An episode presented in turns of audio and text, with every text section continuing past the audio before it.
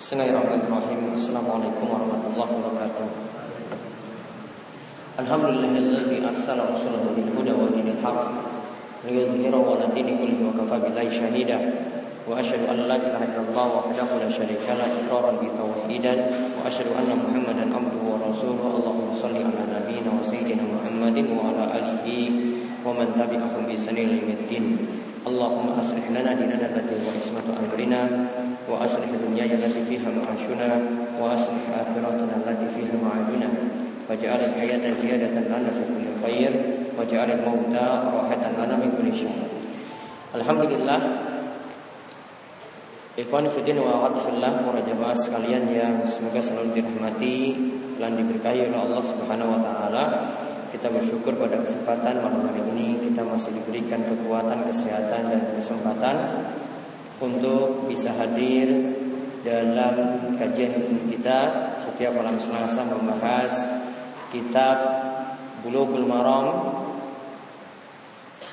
Kitab yang berisi hadis-hadis yang membicarakan tentang masalah ahkam, membicarakan tentang masalah hukum.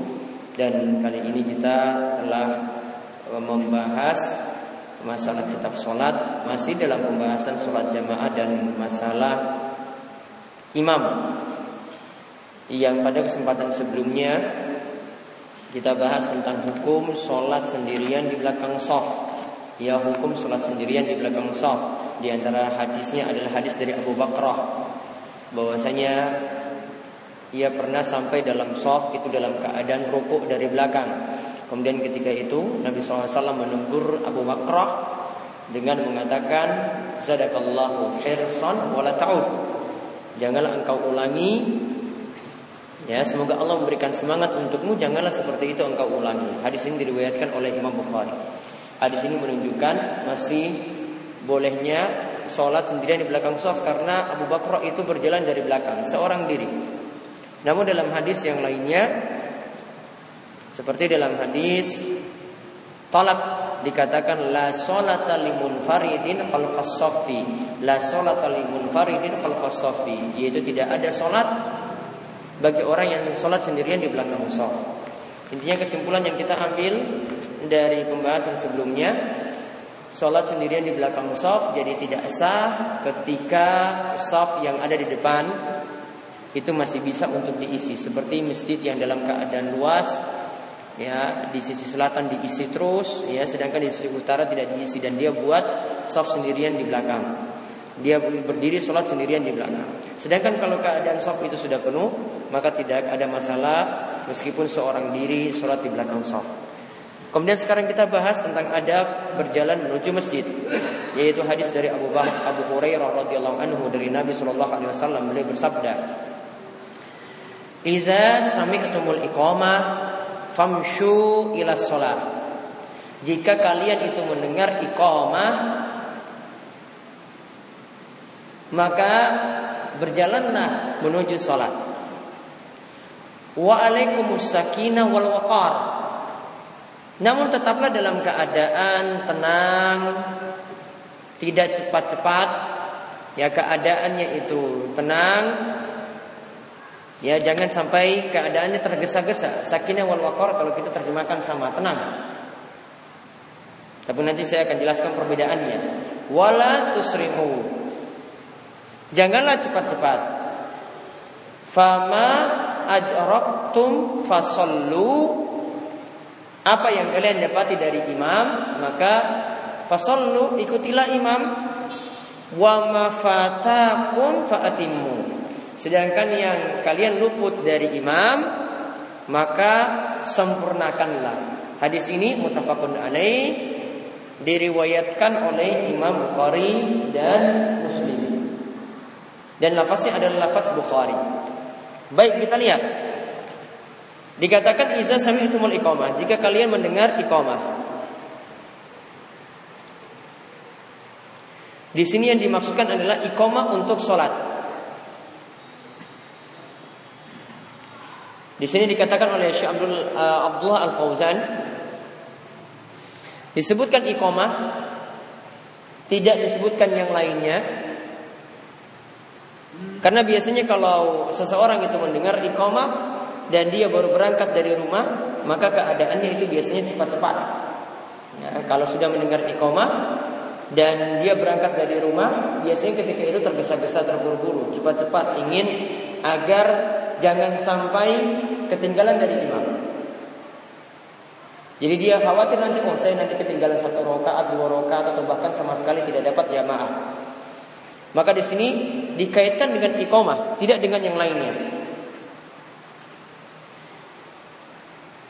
Nah, di sini dikatakan bahwasanya orang yang cepat-cepat seperti itu saat sudah mendengar iqamah, maka nanti ketika menjalankan sholat fala yahsul lahu tamamul khusyuk fi maka nanti tidak tercapai khusyuk yang sempurna ketika membaca bacaan-bacaan yang ada di dalam sholat.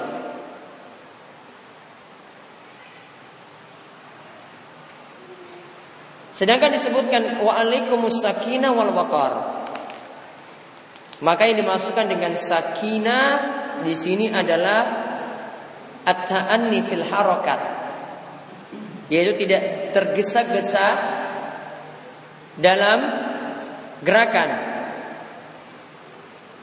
baik gerakan tangan ataupun kaki ketika itu dia tidak cepat-cepat sedangkan al-waqar yang dimaksudkan di sini adalah al-hay'ah yaitu keadaan dia yaitu kalau keadaan di sini maksudnya menundukkan pandangan, tidak mengeraskan suara, itu yang dimaksudkan dengan tenang di sini. Dia dia menundukkan pandangan tetap tidak seperti orang yang cepat-cepat yang pandangannya juga terlihat orang yang terburu-buru. Kemudian dia memelankan suara. Wa adamul iltifat.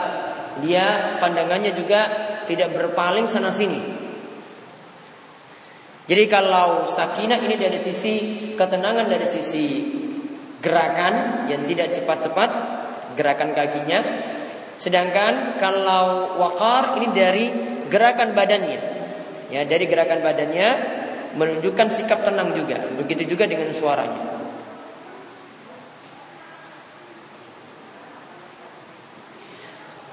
Kemudian dikatakan fama adroktum fasollu.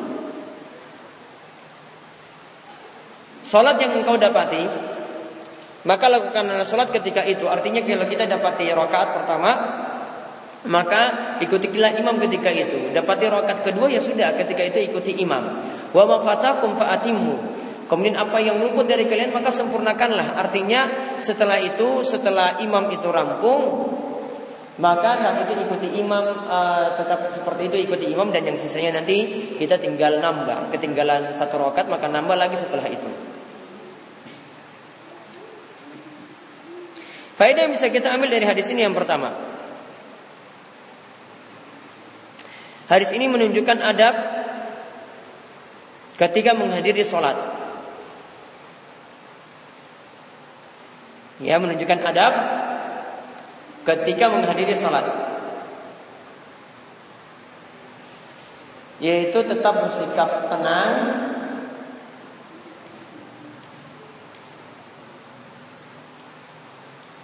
Tidak cepat-cepat.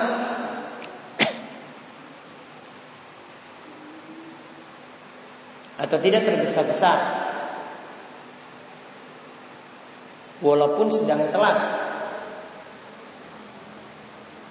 Jadi kalau walaupun sudah sedang iqomah Tetap ketika itu datang ke masjid Dalam keadaan tenang Karena tadi dikaitkan dengan iqomah Kenapa di sini dikaitkan dengan iqomah? Kok tidak dengan azan? Karena kalau dengan iqomah orang itu pas iqomah baru cepat. Kalau lagi azan, ya berangkatnya itu ketika azan, dia gerakannya santai, tidak cepat-cepat. Namun kalau sudah iqomah, maka ada yang sambil lari-lari, ada yang sambil tarik-tarik nafasnya ketika sudah berada dalam saf. Keadaannya seperti itu. Jadi meskipun telat dalam keadaan tenang ketika berjalan. Sekarang faedah yang kedua Keadaan yang tenang ini punya beberapa faedah. Keadaan yang tenang ini punya beberapa faedah atau manfaat.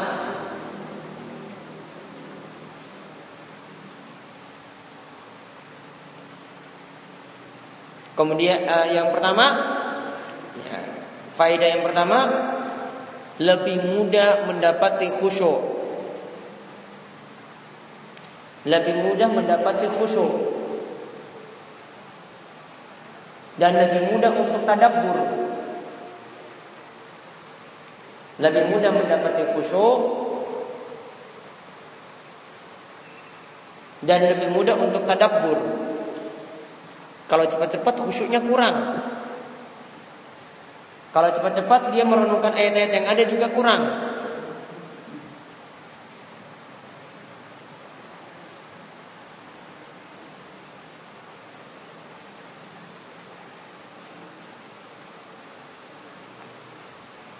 Kemudian faedah yang kedua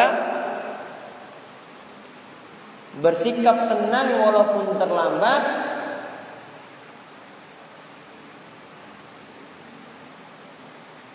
Berarti mengikuti perintah Rasul. Bersikap tenang walaupun terlambat Ini berarti mengikuti perintah Rasul Sallallahu Alaihi Wasallam.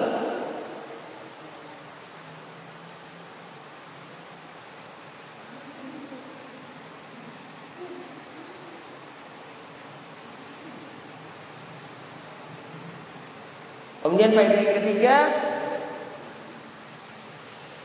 kenapa harus bersikap tenang? Karena orang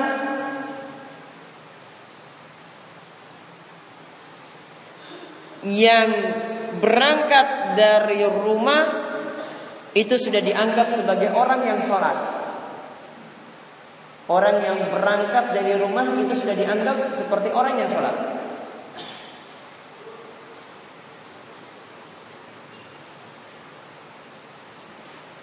Kemudian yang keempat, kalau jalannya tenang, maka semakin banyak langkah. Ya, kalau jalannya itu tenang, semakin banyak langkah. Padahal Nabi katakan, Innalakum bikulli khutwatin darajah. Setiap langkah kalian menuju sholat itu nanti akan meninggikan satu derajat. Berarti makin banyak langkah, ketika itu berarti ya makin ditinggikan derajat seseorang. Atau dalam riwayat yang lain ditambahkan makin banyak langkah itu derajatnya ditinggikan dan dosa-dosanya itu dimaafkan.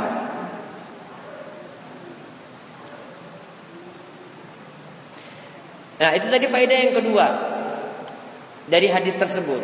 Dan tadi ada ada empat faedah kenapa kita diperintahkan untuk tetap jalan tenang menuju sholat walaupun sedang terlambat. Faedah yang ketiga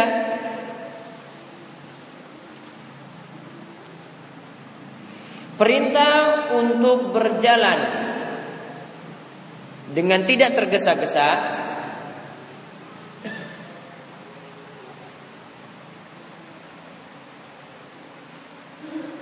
tetap berlaku tetap berlaku untuk setiap keadaan. Ya tetap berlaku untuk setiap keadaan.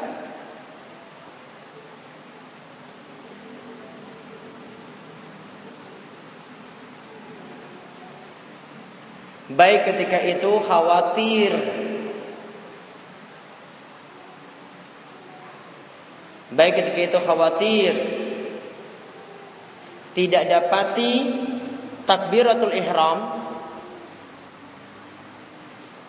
Baik ketika itu khawatir tidak dapati takbiratul ihram. Atau tidak dapati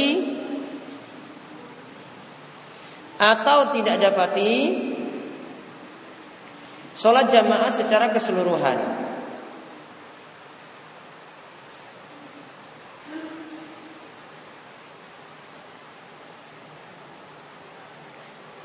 Seperti ini ya tadi ya ini pendapat jumhur atau kebanyakan ulama. Jumhur atau mayoritas ulama. Walaupun memang ada sebagian ulama yang menyatakan tidak mengapa kalau kita itu cepat-cepatnya karena ingin dapat takbiratul ihram. Ya, karena ingin dapat takbiratul ihram. Seperti ada riwayat dari Imam Ahmad dinukilkan dari Ishaq bin Mansur dari Ishaq bin Rohuya Bahwasanya ia berkata, "In khafa fawat takbiratul ula fala ba'sa ayyusri'a fil mashi." Jika seseorang itu khawatir telat untuk takbiratul ihram, maka tidak mengapa dia cepat-cepat untuk berjalan. Dia cepat-cepat ketika berjalan. Namun Allah pendapat yang tadi saya sebutkan di awal ini sudah uh, lebih didukung oleh dalil. Jadi walaupun terlambat, walaupun telat nanti takbiratul ihram, walaupun bahkan tidak dapat jamaah sama sekali tetap dalam keadaan tenang. Karena tiga ada empat faedah tadi yang saya sudah sebutkan. Kenapa kita mesti ya bersikap tenang walaupun telat ketika itu untuk menghadiri sholat berjamaah. Kemudian faedah yang ke empat.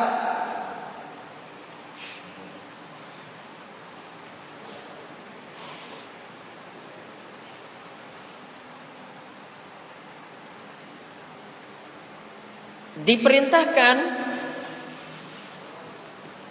tetap mengikuti imam. Saat telat walaupun yang didapati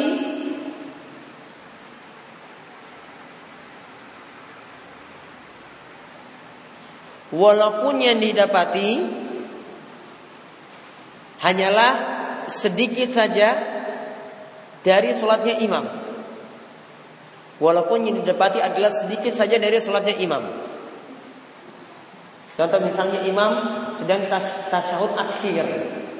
Kita datang, imam sedang tasyahud akhir. Apakah kita baiknya ikuti imam?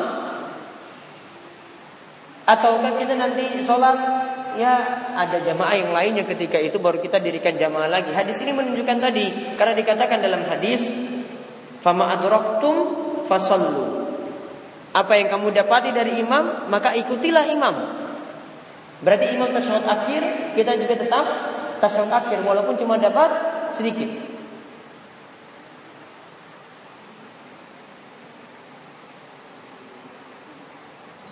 Namun ada pendapat yang lainnya dari Syekhul Islam Ibnu Taimiyah yang merinci. Ya, ada pendapat yang lainnya yang merinci.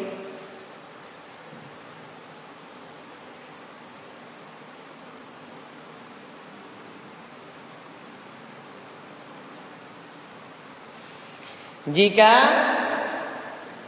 dapati jamaah lagi berikutnya Jadi kali tadi imam sudah tasyahud akhir ya Imam sudah tasyahud akhir. Kalau kita Oh lihat ada nanti jamaah lagi berikutnya Karena nanti kalau kita ikuti seperti itu Kita cuma Dapati tasyahud akhir dari imam Tidak dapati satu rakaat. Maka kalau ada kemungkinan buat jamaah lagi Maka menunggu untuk membuat jamaah baru.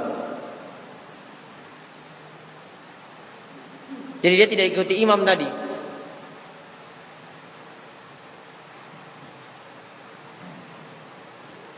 Kenapa? Karena sholat sempurna bersama imam dari awal sampai akhir itu lebih afdal. Daripada dia cuma dapat tasyahud saja tadi. Namun kalau tidak dapati tadi, tidak dapati sama sekali jamaah berikutnya, maka tetap ikuti imam. Nah, yang mengatakan tadi ini seperti pendapat dari Syekhul Islam Taimiyah dalam Majmu' al-Fatawanya.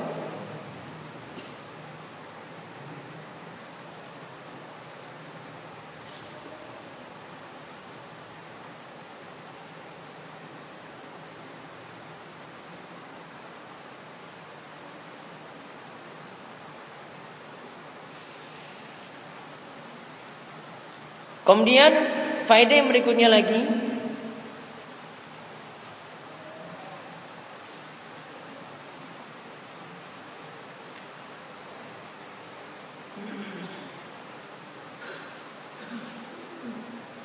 Menurut pendapat paling kuat Menurut pendapat paling kuat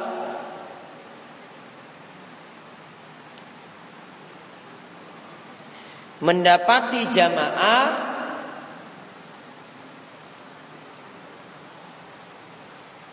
ketika seseorang mendapati satu rokaat.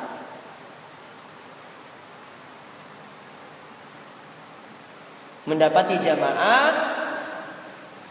itu ketika orang itu dapat satu rokaat dan satu rokaat didapati ketika mendapati ruko dan satu rokaat tadi didapati ketika mendapati ruko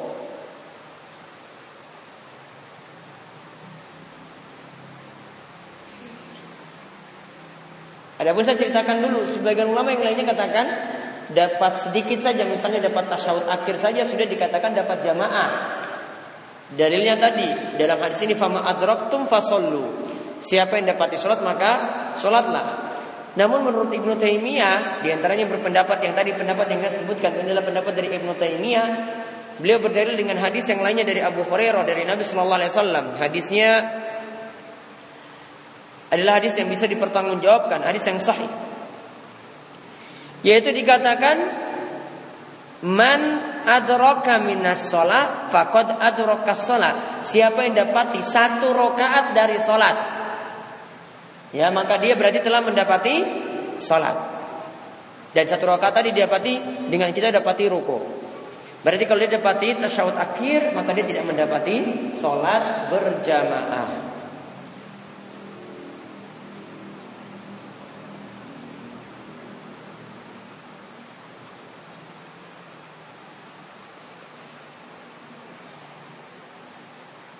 Jadi kalau orang itu dapat kurang dari satu rakaat tadi, misalnya dia dapat sujud terakhir atau dapat tasyahud akhir terakhir, maka dia tidak dianggap mengikuti sholat berjamaah dan dia dianggap ketika itu sholat jadi sendirian.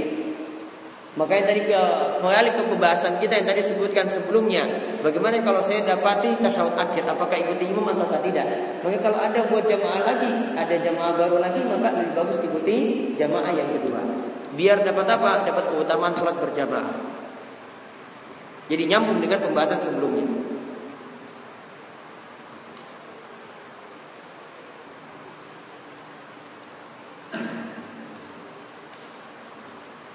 Kemudian faedah yang berikutnya lagi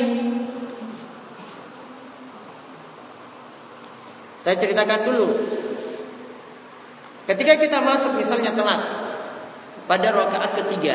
Ya, misalnya sholat isya pada rakaat ketiga. Berarti dua rakaat itu luput. Jadi nanti dua rakaat kita tambah lagi sebelumnya. Apa sesudahnya. Sekarang permasalahannya adalah uh, apakah ketika kita ikuti imam tadi Ya, ketika kita masuk ikuti imam, bagi kita ini rokaat yang pertama atau bagi kita ini rokaat yang ketiga karena imam rokaat yang ke ketiga. Nanti setelah rampung sholat, imam rampung sholat baru kita tambah lagi, baru bagi kita itu rokaat pertama dan rokaat kedua. Jadi para ulama punya pembahasan seperti ini. Bagi kita itu rokaat yang keberapa? Karena kalau bagi kita nanti rokaat yang ketiga sama dengan imam berarti nanti para jamaah ketika imam sudah rampung, berarti dia anggap lagi rokat pertama dan rokat kedua bagi dia. Karena rokat pertama ke kedua dia tidak dapat dari imam. Berarti setelah salam nanti dibaca Al-Fatihah, baca surat pendek lagi. Paham perbedaannya? Jadi para ulama berbeda pendapat seperti itu. Ada dua pendapat. Ada yang mengatakan kalau masuk pada rokat yang ketiga tadi itu awal sholat bagi makmum. Ya itu awal sholat bagi makmum. Dan nanti yang dia tambahkan lagi setelah imam salam itu ya rakaat terakhir bagi dia. Dan inilah yang jadi pendapat dari kebanyakan sahabat dan juga tabi'in dan ini juga pendapat dari mazhab Syafi'i yang berlaku di masyarakat kita seperti itu. Kemudian ada pendapat yang kedua yang katakan makmum itu tadi ketika dia masuk di rakaat ketiga maka itu akhir sholat bagi dia. Berarti sholatnya sama dengan imam. Jadi masuk rokat ketiga berarti itu juga rokat ketiga untuk dia. Dan nanti yang dia tambahkan setelah imam itu salam, yang kurang setelah imam salam dikerjakan, maka itu bagi, itu yang rokaat pertama bagi dia. Ini berdalil dengan riwayat yang katakan wa mafatakum faqudu. Apa yang kalian luput maka kodoklah Artinya rokat pertama, rokat kedua tadi tidak dilakukan berarti dikodok. Nanti setelah itu baru rokat pertama dan rokat kedua. Pendapat yang lebih tepat pendapat yang pertama pendapat jumhur atau mayoritas ulama. Tadi kalau pendapat yang kedua itu adalah pendapat dari mazhab Abu Hanifah dan mazhab Imam Ahmad. Ya mazhab Abu Hanifah dan mazhab Imam Ahmad. Namun Imam Ahmad memiliki pendapat yang lain juga dalam masalah itu. Ya pendapat yang pertama tadi ini adalah pendapat yang lebih tepat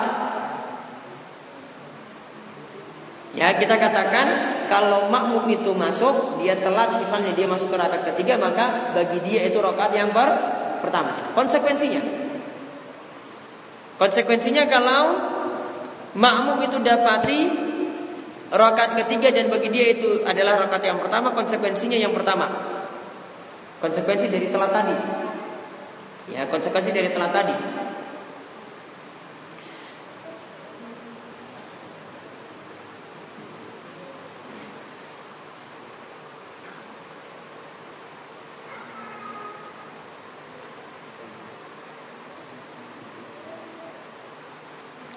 Jika makmum dapati dua rakaat terakhir. Dari sholat isya misalnya ya. Dari sholat isya. Ya. Sedangkan kalau imam kan ketika dua rakaat terakhir tiga dan empat bacanya apa? Keras atau eh, jahar atau sir sir nanti kan makmum kodok lagi kan? Ya, dia tambah lagi setelah itu dua rakaat lagi untuk isya. Berarti bacaan untuk makmum apa ketika itu? Sir atau jahar? Hah? Sir atau jahar? Sir. Kenapa? Karena dia sedang kerjakan rokat ketiga dan rokat yang keempat. Maka konsekuensi yang pertama, jika dapati sholat isya, ya jika dapati sholat isya pada rokat ketiga dan rokat keempat dari imam, ya jika dapati sholat isya pada rokaat ketiga dan keempat dari imam. Maka setelah imam salam,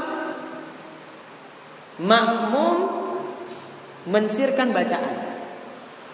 Ya, makmum mensirkan bacaan.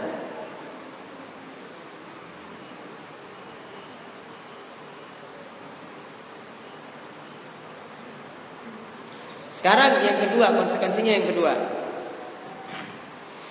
Jika makmum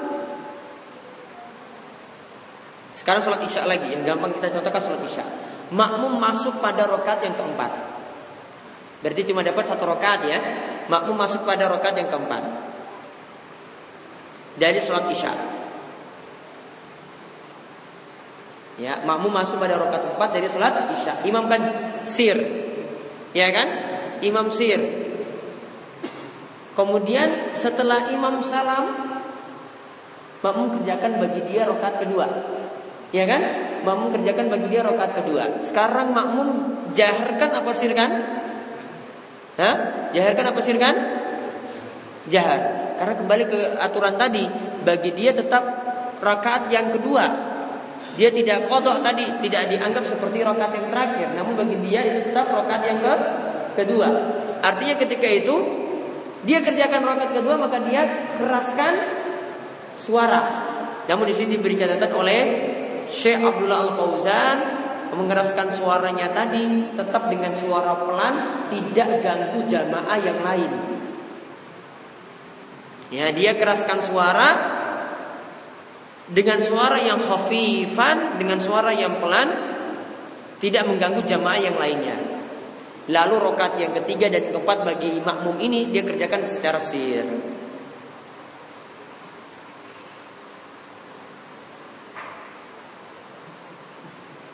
Kemudian konsekuensinya lagi yang ketiga.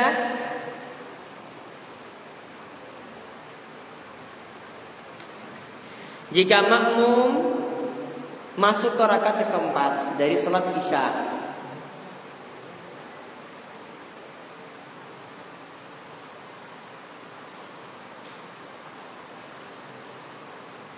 Maka ketika itu dia tetap membaca Al-Fatihah dan surat selain Al-Fatihah. Karena bagi dia dia rakaat yang pertama.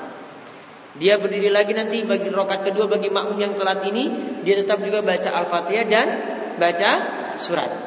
selama ada kesempatan.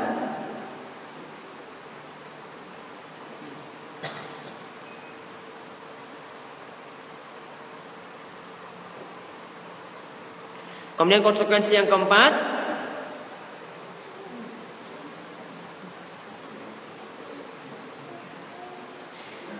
Jika makmum.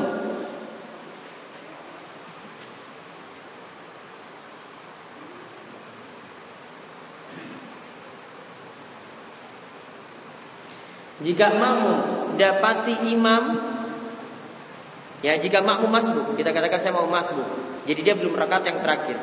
Jika makmum masbuk Dapati imam sedang tasyahud akhir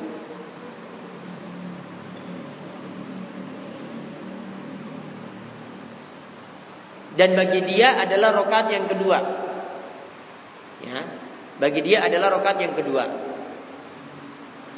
maka tetap dia melakukan tasyahud awal. Maka tetap baginya melakukan tasyahud awal. Dan duduknya adalah duduk iftirash. Kaki kanan ditegakkan, kaki kiri diduduki. Karena dia belum rakaat yang terakhir. Kembali ke permasalahan tadi yang kita bahas. Karena dia sedang dianggap sebagai rokaat yang kedua, bukan rokaat yang terakhir bagi dirinya.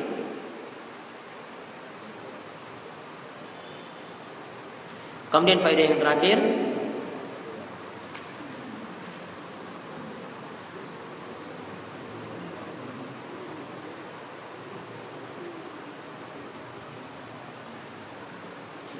Untuk sholat jenazah Jika ada makmum yang telat. Ya, jika ada makmum yang telat. Misalnya pada takbir dia luput dari takbir pertama, dia masuk pada takbir kedua.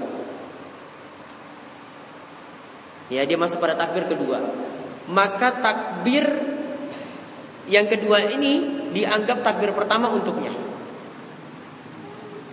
Ya, dianggap takbir pertama untuknya. Berarti nanti dia baca apa? Al-Fatihah. Ya, dia cuma baca Al-Fatihah. Imam takbir ketiga, dia takbir kedua, berarti dia baca selawat. Kemudian imam itu takbir ke empat, ada doa di situ, dia baca doa seperti takbir ketiga. Kemudian dia tambah lagi satu takbir lagi. Pembahasannya nanti insya Allah di, akan dibahas pada sholatul janais.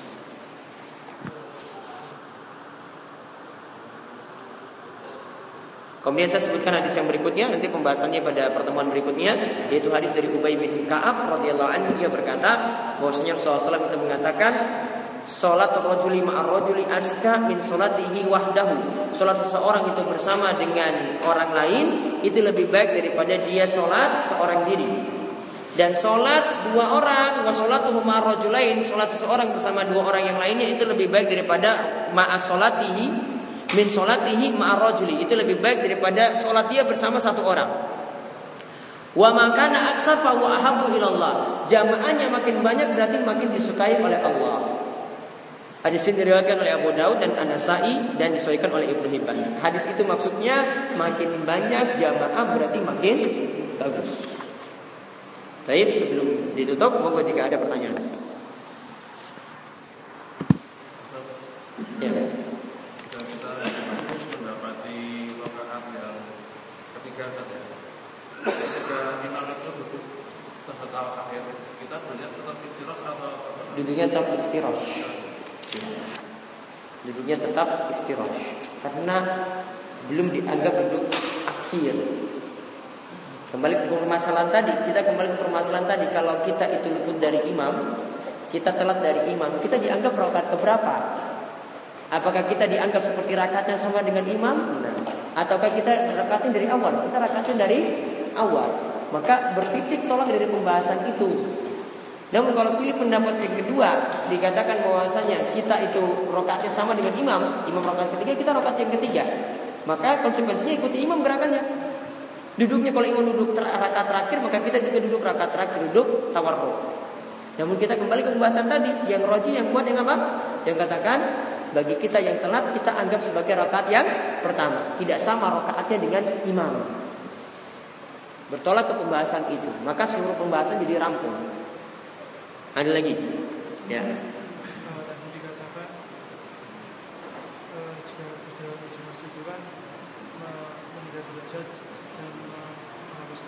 Iya. Apakah berlaku apabila naik kendaraan? Apakah berlaku jika naik kendaraan?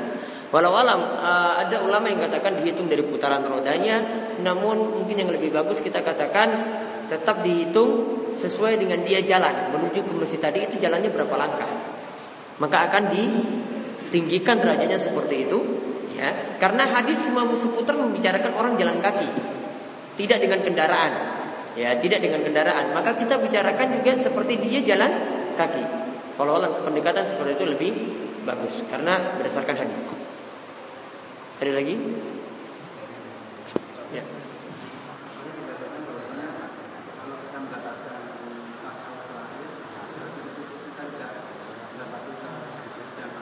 Iya. Karena kita berjalan itu cuma pahala cuma dianggap sholat. Dianggap keadaannya seperti orang sholat. Berarti sudah dicatat. Sudah dicatat dia itu sholat. Namun dari sisi jamaahnya dapat jamaah atau tidak beda pembahasannya. Cuma dari sisi pahala sholat dia sudah dianggap ketika jalan sudah dianggap pahala sholat namun dari sisi dia dapati jamaah atau tidak pembahasannya lain. Ada lagi?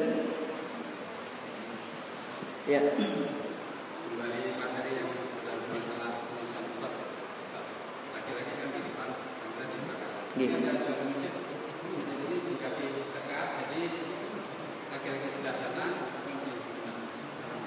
Kanan kiri boleh. Konsekuensinya tadi kalau sudah dipisah kemarin yang kita bahas kalau sudah dipisah maka perempuan bisa mulai dari depan. Boleh. Yang penting pisahnya jelas.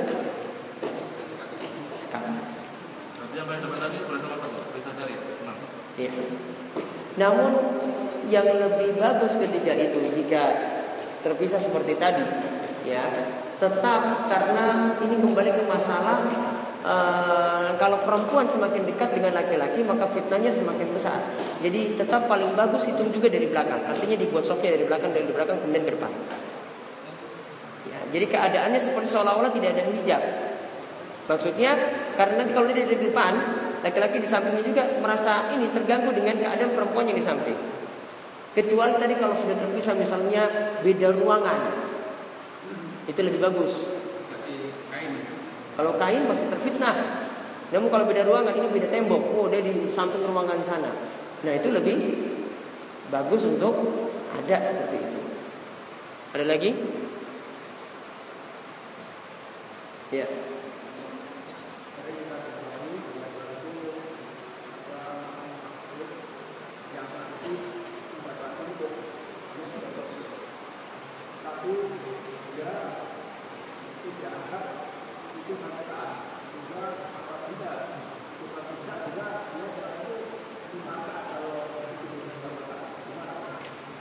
Ya intinya dia pilih salah satu pendapat yang katakan uh, tidak baca al-fatihah berarti tidak dapat satu rokaat.